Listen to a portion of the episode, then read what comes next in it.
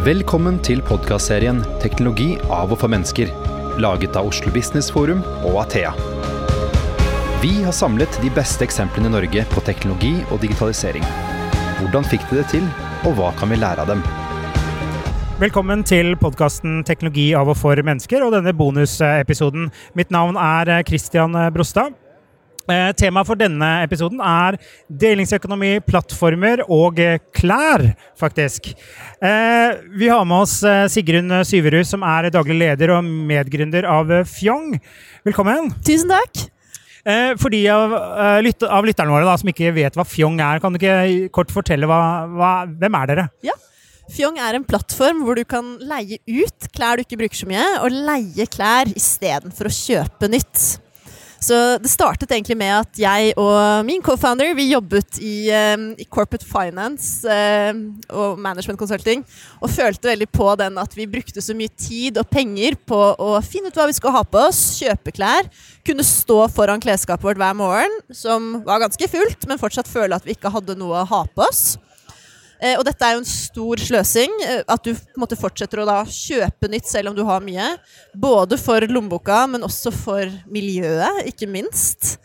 Så det var egentlig bakgrunnen, den dårlige samvittigheten eh, vi hadde.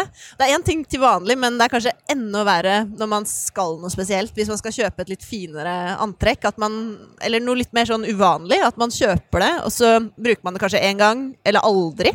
Så blir det bare hengende i skapet. Eh, og det er det vi ville til livs, eller finne en bedre måte å konsumere klær på, og utnytte bedre det som allerede er produsert. Mm. Har du på leid kjole i dag, eller? Ja, selvfølgelig. Jeg har, på, har alltid på leide klær, egentlig. Så den her har jeg leid eh, da av Fjong, og det er en annen person som eier den, som jeg ikke kjenner, som nå tjener litt penger på at jeg bruker den. Jeg har også leid eh, jakken jeg har på meg i dag. Jakken også, Så, ja. mm. Så man kan få fullt, eh, fullt antrekk. Og vi har jo til nå hatt mest det vi kaller an anledningsbasert. At folk har kommet og leid for eh, en spesiell anledning, hvis de skal på konferanse, bryllup, eh, fest, et eller annet. Men nå skal vi starte med klesabonnement, som er en type streaming av klær. At du kan betale en månedspris, så har du tilgang til et utvalg av plagg fra Fjong til enhver tid. Og da kan du egentlig på en måte slippe å kjøpe så mye nytt. For du, liksom som du streamer musikk, så får du da tilsendt eh, plagg, og så bruker du de den måneden f.eks., og så bytter du til andre plagg neste måned. Trenger ikke å kjøpe noe nytt utover basisplagg eh, lenger, da. Så det tror jeg blir bra. Det høres bra ut. Eh, eh, hvordan er det liksom modellen fungerer? Er det sånn at hvem som helst kan komme til dere med klær og så si hei, jeg vil leie ut klærne mine via Fjong, eller er det noen eh, regler for hvordan dette fungerer? Altså Per nå så er det, er det litt regler for eh, Altså hvem som helst kan, men eh, ikke alle plagg eh, egner seg for utleie. Eh, så foreløpig så er det manuell registrering av klær, så, som vi gjør selv. Hvor eh, vi da gjør et utvalg. Sånn at vi, de som ønsker å leie ut noe, de sender bilde og litt beskrivelse av plagget. Og så tar vi det inn basert på eh, kriterier. Og et viktig kriterium er at plagget må være av god kvalitet, sånn at det kan leies ut mange ganger. Så T-skjorte fra henne som er hos 4990, det, Det går dessverre det går ikke. Jeg har kjøpt kjøpte en i går. ja, nei, Ja, dessverre. Ikke T-skjorter. Eh, Men eh, litt mer på en måte spesielle plagg eh, av høy kvalitet. Det er, er det vi ser etter. Og da mm, sender man en mail til oss, tar vi bilder av det, legger det opp på hjemmesiden. Det er sånn det fungerer nå. På sikt, og vi jobber med å utvikle en teknologi som gjør at eh, brukerne, altså litt sånn som på en måte på Finn i dag, så det er ikke så rocket science, men i utgangspunktet så kan da brukerne laste opp plagg eh, selv og gjøre det tilgjengelig for utleie. Det som er viktig for oss, og vi ser også for kundene våre, er at det er en god kundeopplevelse. At det er på en måte eh, convenient. At, at man finner at det er gode bilder av plaggene. Så det vi ser eh, på, er å etter hvert eh, kunne ha altså en del mer teknologi som gjør det veldig enkelt for brukerne og for oss og for systemet å kunne på en måte standardisere plaggene, så at vi kan bruke den informasjonen fra plaggene. Så hvis, en kunde laster opp denne, så vil vi kunne automatisk gjenkjenne hva det karakteristikken på dette plagget er, sånn at vi kan på en måte tilordne det i en kategori, og dermed også kunne anbefale det til brukere vi vet er interessert i det plagget. Um, som gjør det litt enklere med den skalerbarheten og gjør det mindre nødvendig for oss å ta, ha sånn stålkontroll på hva som vises på hjemmesiden nå, når alle ser alt, egentlig. Eh, dere har jo eh, Det var to, du og en til, som eh, var og gründa selskapet. Ja. Og nå er dere nesten 20. Stemmer. Og halvparten, leste jeg, er liksom tech og eh, bruker eh, Altså UX-designer osv. Ja. Eh, det er reisen til å bli et tech-selskap, da. Ja, Um, det er sant. Så altså Fjong startet eh, Eller da vi startet, jeg og min co-founder, så var vi faktisk i hennes leilighet og hadde forskjellige arrangementer hvor folk kunne komme og leie ut klærne sine og ta dem med. Og da var det jo supermanuelt. Så da hadde vi en eh, liksom, skrivebok og penn og skrev sånn Ja, Nina har leid det plagget som eies av Cecilie. Hun har betalt, og vi må videreføre, eller videre overføre til vedkommende. Så det var veldig mange ledd. Og så etter hvert hun har levert, eller hun har ikke levert ennå, oppfølging. eh, ja. Er det bøter når du ikke leverer? Det er, eh, ja, det er litt Ja. uh, I starten var det jo ikke det, men nå For har vi vi menn er jo, Ja. er jo ikke en del av dette. Nei, foreløpig kun kvinner. Nei, ja. Så, så vi så at ok, det her funker, men det er, det er så mye logistikk, og det er veldig komplekst. Så det her kommer aldri til å, å, å bli skalerbart eller funke i lengden, med mindre vi eh, får inn eh, noen dyktige teknologifolk som kan automatisere denne logistikken for oss. Mm. Og det er det vi har drevet med siden. Så det er jo en, eh, en slags balanse mellom å altså, på en måte kundeservice, selvfølgelig, og så har vi et fysisk showroom og den fysiske delen. Vi jobber jo med fysiske produkter, men også å digitalisere og automatisere så mye som mulig for å få det skalerbart og for å kunne få en god digital kundeopplevelse. Så vi har gått veldig fra Altså vi startet jo helt fysisk, men så at ok, det her funker ikke i lengden, så gå derfra til å være mer og mer eh, et tech-selskap. Mm. Og nå er eh, eh, majoriteten av eh, de ansatte jobber med tech-utvikling.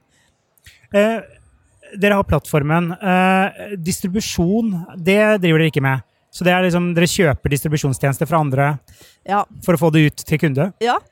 Lenge så hadde vi en sånn liten elbil som vi leaser, og drev og kjørte rundt faktisk i Oslo. Ja. Men så så vi at det ble litt, eh, litt, litt skalerbart. Så nå jobber vi med noe som heter Helt hjem Um, og PostNord, som leverer eh, foreløpig på pickup points, men etter hvert da også på døra-levering og på døra-retur. Em, så vi så at altså, man, vi er ikke et logistikkselskap eh, på den måten ennå. At det er mye smartere å samarbeide med noen som faktisk er et logistikkselskap. Mm. Altså distribusjonsselskap. Vi er jo egentlig logistikkselskap på mange måter, Ja. men ikke den. Ja, det det viktig å få klærne ut, da. Så, Nettopp. Ja. Mm. hvor mange er det nå som leier gjennom plattformen? Vi har eh, 50 000 brukere nå. Og så har vi eh, Ja, eh, det varierer. Nå er det Det er 5000-6000 som leier på eh, på en måte Som har klærne jevnlig. sine Nei, som, Ja, som leier okay. ut. Ja, det er ca. 1000 uh, utleiere nå. Ja. Mm. Og hvem er den typiske kunden? Den typiske kunden er en urban kvinne mellom 25 og 35 år, aller, aller flest. Men vi ser også at det er ganske mange mellom 15 og 25 og 35 og 45. Så det er på en måte Mm. det, det spennet. Den typiske kunden har ofte litt høyere utdannelse, eller er, har utdannelse, og har en ja, en noe krevende jobb, typisk. Så det er nok de som er liksom first movers på det her. Men vi ser at også flere og flere andre, altså utenfor den kjernegruppen, bruker tjenesten. Mm. Så det er veldig gøy. Eh, Men det er vel de som er altså abonnement og sånn, så er det typisk at man kanskje har en jobb hvor man må kle seg litt pent. At, at det blir aktuelt. Eh, mens eh, leie for et bryllup, det gjør altså hele befolkningen. Det er jo at folk som er opp mot 80 år, som kommer og leier bryllup, for de skal i bryllup til barnebarn, f.eks. Eller eh, også jenter på ungdomsskolen som leier til skoleball. Så det er hele spennet. Og folk kommer fra fra Toten til Finnmark og altså hele til Kristiansand. Så vi sender over hele Norge, og det Så det er veldig gøy. Og før vi går videre, så skal vi innom vår eh, faste spalte. Hva er liksom greia med VR, AR, XR, Eller Facebook, Google, personvern, personalisering og GDPR. big data, IoT, blockchain. Ukentlig leser vi i media om uh, ulike datalekkasjer, og alle har vi hørt om uh, Facebook-skandalene. Uh, magasinet Wired hadde en oversikt over alvorlige Facebook-hendelser i 2018, og det telte 21 tilfeller. på Netflix nå så går det også en, en, film som heter The Great Hack, som også handler om Cambridge Analytica osv. Og, og så har vi fått GDPR, hvor vi skulle få bedre kontroll over egne data. Denne uken så kom det en sak i Aftenposten om et eksperiment utført av forskere på Norsk regnesentral og Universitetet i Bergen. Eh, og de ville undersøke eh, hvor mange nordmenn som er villige til å gi fra seg eh, personlige data for å få bedre og relevante, relevant markedsføring. Og resultatene er mildt sagt slående. 26 sier ja til å gi fra seg data. Og menn er mer, villige enn kvinner. Og er du ung, så har du mista helt grepet. For halvparten av de under 24 år er villige til å gi fra seg Facebook-data. Så Sigrun, eh, hva er det som skjer? Har vi ikke lært? Jeg kan tenke meg at veldig mange verdsetter det med på en måte litt sånn convenience. Jeg tror mange syns det er slitsomt med de der Aksepterer du cookies og sånn? De bare OK, la, få det bort. Jeg vil bruke appen og vil at den skal fungere så bra som mulig. Og så tror jeg også sikkert mange tenker at, at man ser jo reklame uansett. Så da vil jeg iallfall se reklame som er relevant for meg. Og at det er på en måte det som gjør at folk faktisk har lyst til å bare ok, jeg godtar.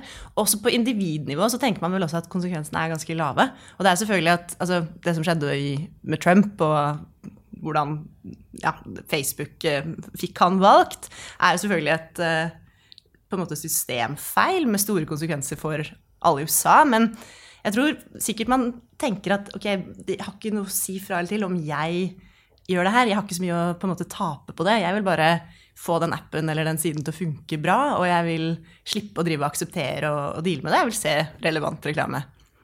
Altså frykten for å få dårligere tjenester. For hvis du ja. ikke sier ja, så mm. får du ikke brukt hele tjenesten, eller du får kanskje ikke tilgang til tjenesten heller. Da. Ja, ikke sant. Mm. Så på individnivå er ikke konsekvensene eller kostnadene store nok til at folk uh, bryr seg nok, tenker jeg. Og da er det jo bra at vi har GDPR, sånn at politikerne og, eller samfunnet som helhet, staten, går inn og setter noen grenser og reguleringer, sånn at vi slipper å få en sånn ny Trump bli valgt eh, og andre ting, da, fordi altså, at man tar ansvar som fellesskap. Mm. Og så tenker jeg eh, det er, eh, Den gruppa som er verst her, da, er jo de unge. Ja.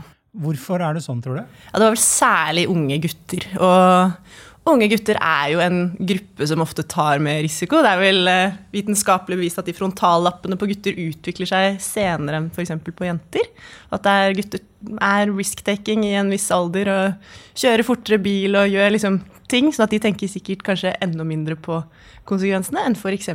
unge jenter og, og folk som er litt eldre, vil jeg tro. Og det er jo ikke grunn til å tro her at det ikke blir flere eh, skandaler, eh, men det hjelper tydeligvis ikke på kompetansen, da, eh, eller holdningen til eh, deling av data i det hele tatt. Nei, det, ja. Men det er jo altså sånn når man Hvis man ser at ok, det verste som kan skje for meg, er at noen får opplysninger om meg, og man syns ikke det er så ille, så altså sånn, hva jeg har søkt på og sånne ting, så, så se, altså jeg kan absolutt forstå at folk ikke syns det er så Eller at de godtar at man får, gir fra seg den informasjonen. Da. Mm. Jeg tror ikke jeg jeg ville ikke gjort det selv, men jeg ser veldig at unge gutter for eksempel, som bare har lyst til å få et eller annet til å funke bra, og slippe å se reklame de ikke bryr seg om, da bare godtar. Så læringen her da, er at uh, skjerp dere, unge menn. Ja, og bra med GDPR. Bra at andre tar ansvar, egentlig. For, ja. mm.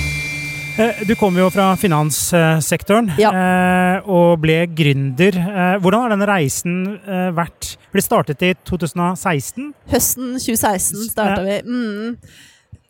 Ja, det er jo en overgang på mange måter. Um, det første man legger merke til som gründer, er jo at um, altså det, er ikke, det, er ikke, en glamorøs jobb i starten. Eller egentlig, altså ikke fortsatt heller. Så det er um, det, det er hardt arbeid for, eh, for lite, lite, penger og lite goder og, og, lite støtteapparat, på en måte sånn sett, eh, i forhold til det man hadde før. Så det er en jobb hvor du må brette opp i armene og virkelig være hands on. Og, og jobbe hardt. Og ja, gå all in. Eh, når det kommer til Så jeg hadde jo Eller jeg har jo finansbakgrunn, som du sa, og det, det har jeg opplevd har vært veldig nyttig. Fordi at en stor del av um, altså økonomistyring og det finansielle, hente penger, det er en veldig viktig ting når du starter for deg selv. Og det å ha litt kunnskap om det tror jeg kan være en, eh, en stor fordel. Og til de som ikke har en finansbakgrunn, som har lyst til å starte noe for seg selv um, altså Ofte når jeg har snakket med, med, andre som har lyst til å starte, så sier de at uh, de er litt sånn redde nesten for den finansdelen. Eller de vet ikke helt hvordan de skal angripe det.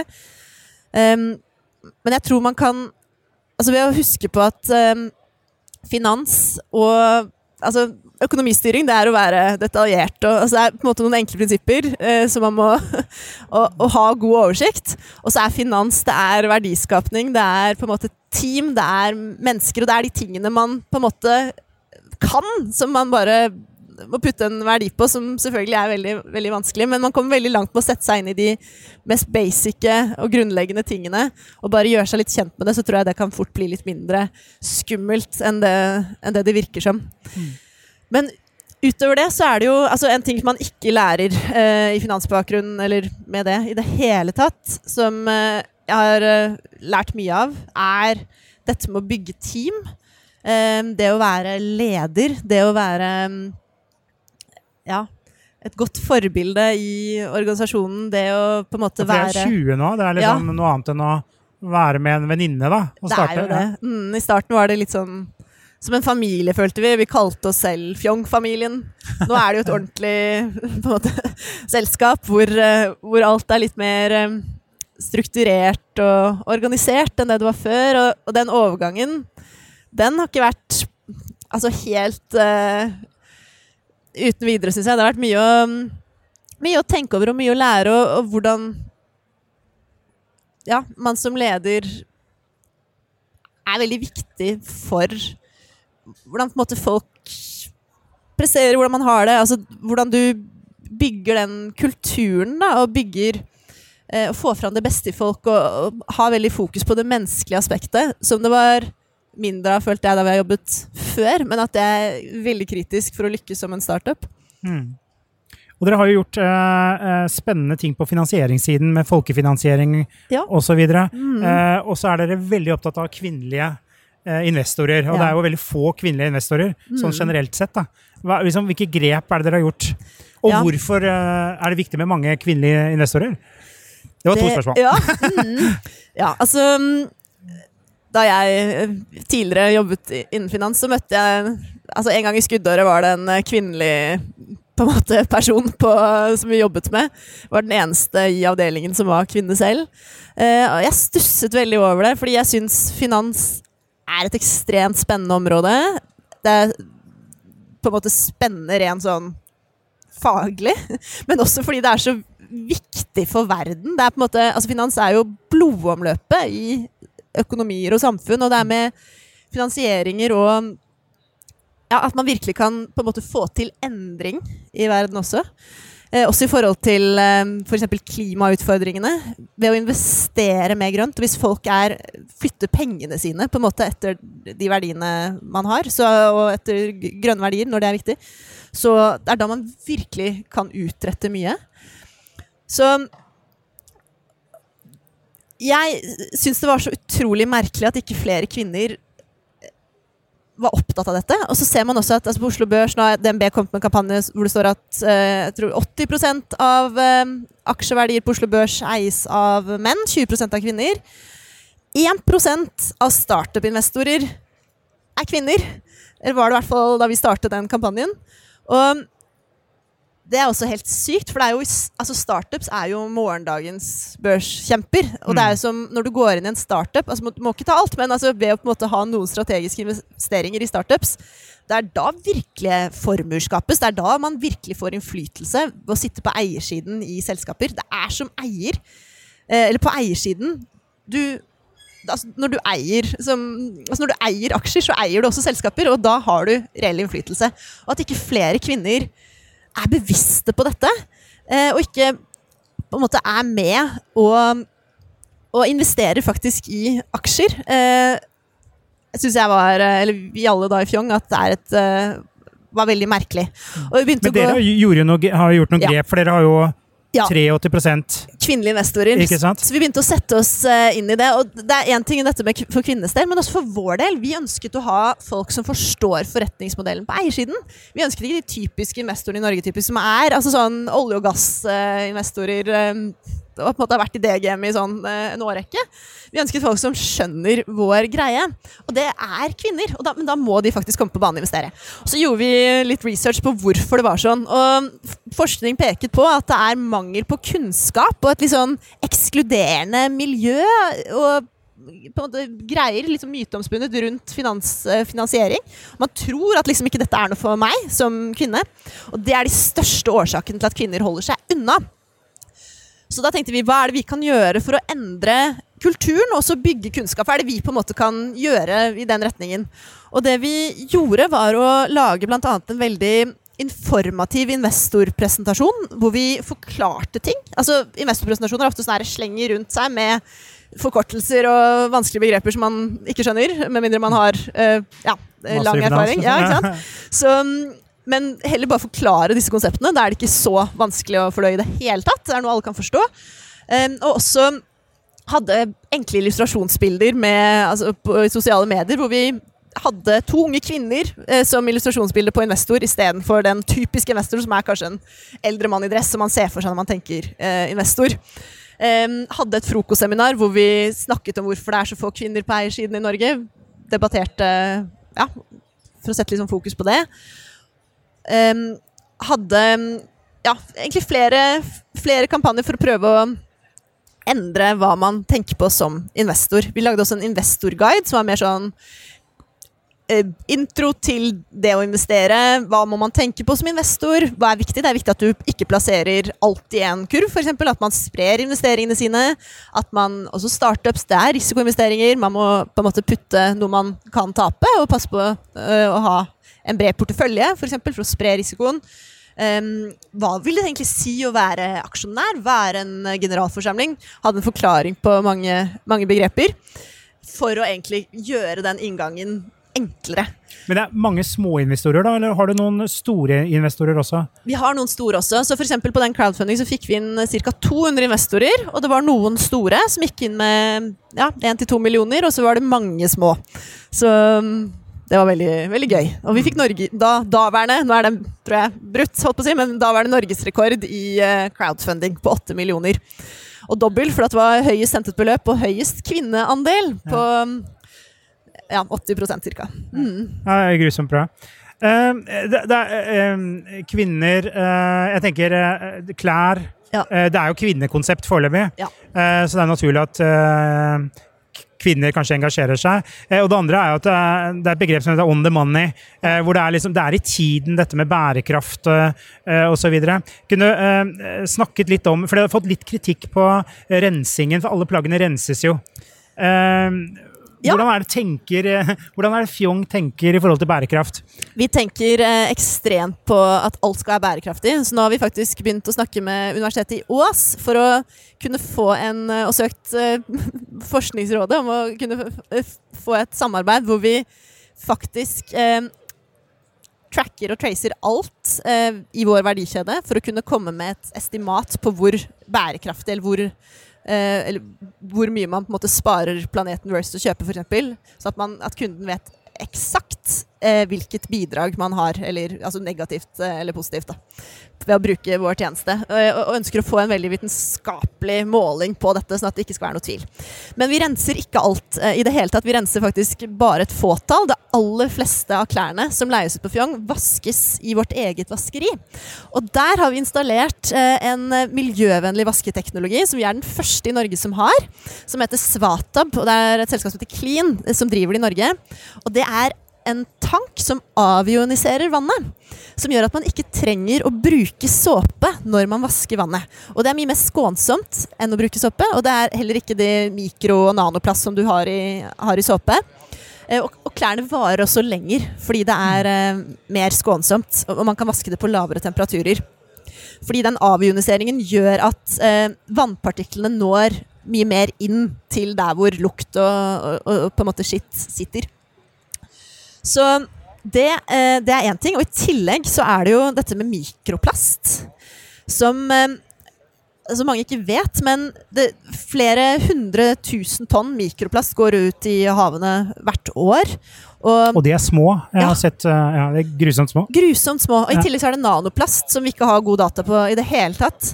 Og det går inn i alt fra altså alle mulige alger og alt, alt som lever eh, i vannet. Og går selvfølgelig da opp i det vi spiser og vårt drikkevann etter hvert også. Og den aller største kilden til mikroplast er eh, klær. Eh, akryl og nylon og andre plastikkbaserte klesmaterialer. Og hver gang vi vasker de klærne, så, altså hver gang folk vasker de klærne, så går det da av liksom plast inn i avløpet og ut i havet. Så vi har også installert et mikroplastfilter i våre rør og avløps... Eh, måte, Det er noe vi alle burde ha, egentlig. det er noe alle Ja, burde ha, men ja. den teknologien er ikke så utrolig tilgjengelig. Så vi har vært heldige å få være med på et prosjekt som er da mellom denne Svatap-teknologien og Sintef, som har utviklet en, en, et filter som består av flere filter, for jeg er sikker på at virkelig ikke noe kommer inn, Mm. kommer ut. Um, så det er veldig bra, men, men det er ikke en tilgjengelig og, og rimelig teknologi som folk flest kan ha. Så um, foreløpig så er det Jeg prøver å unngå det, de materialene i det overhodet. For det er, eh, det er et så stort problem, og det er noe man kan gjøre selv. Men har man det, så um, send det til oss.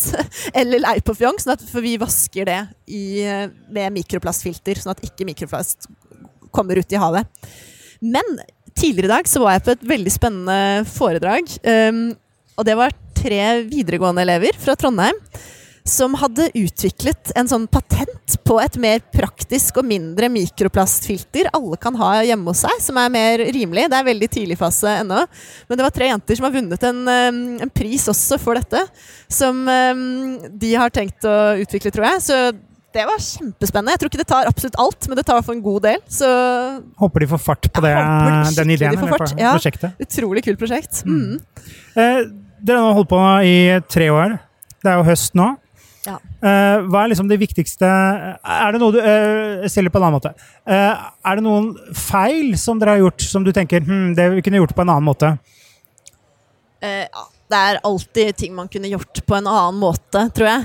Em, en, en ting som jeg tror vi har gjort, og um, som er veldig naturlig i en startup, er å være veldig på en måte opportunistisk å gå litt bredt ut.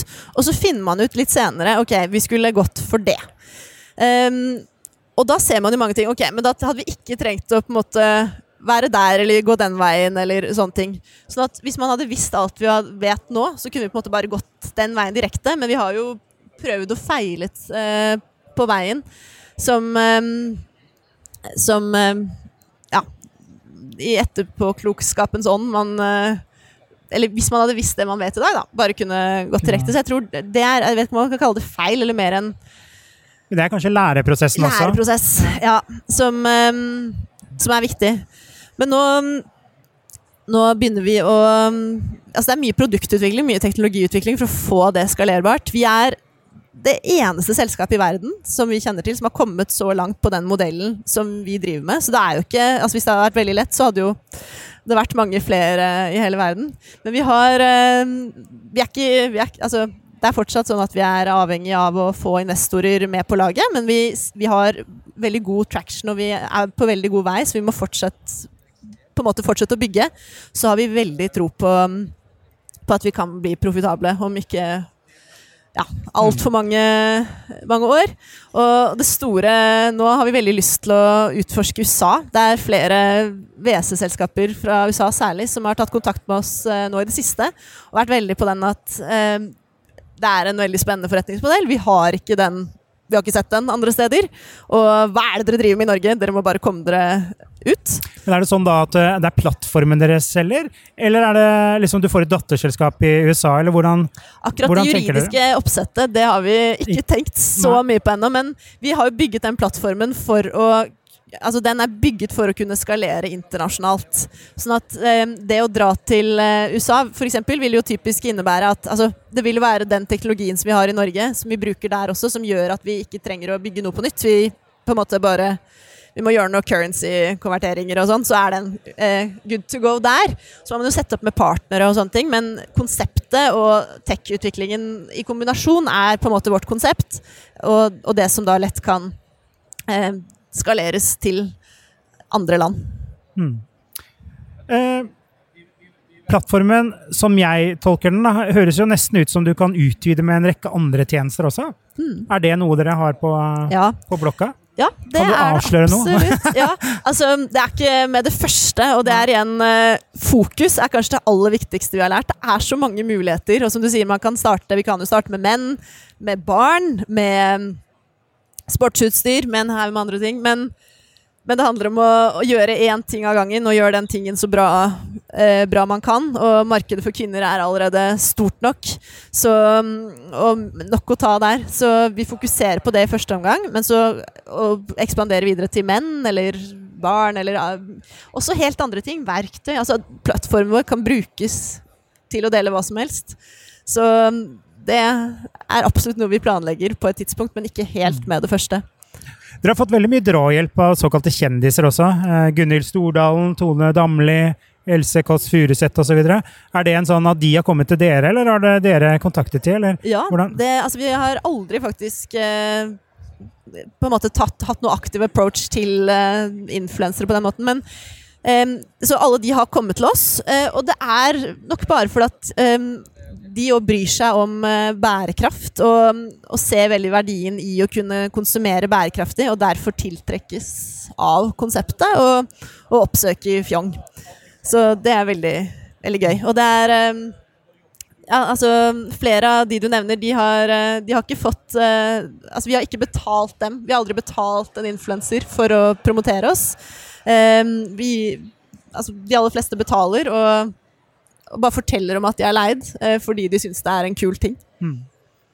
Sigrun, eh, vi er tom for tid. Ja. Eh, det var veldig hyggelig å snakke med deg. Like Og måte. masse lykke til eh, videre. Tusen Vi skal følge med. Og tusen takk til deg som lyttet på.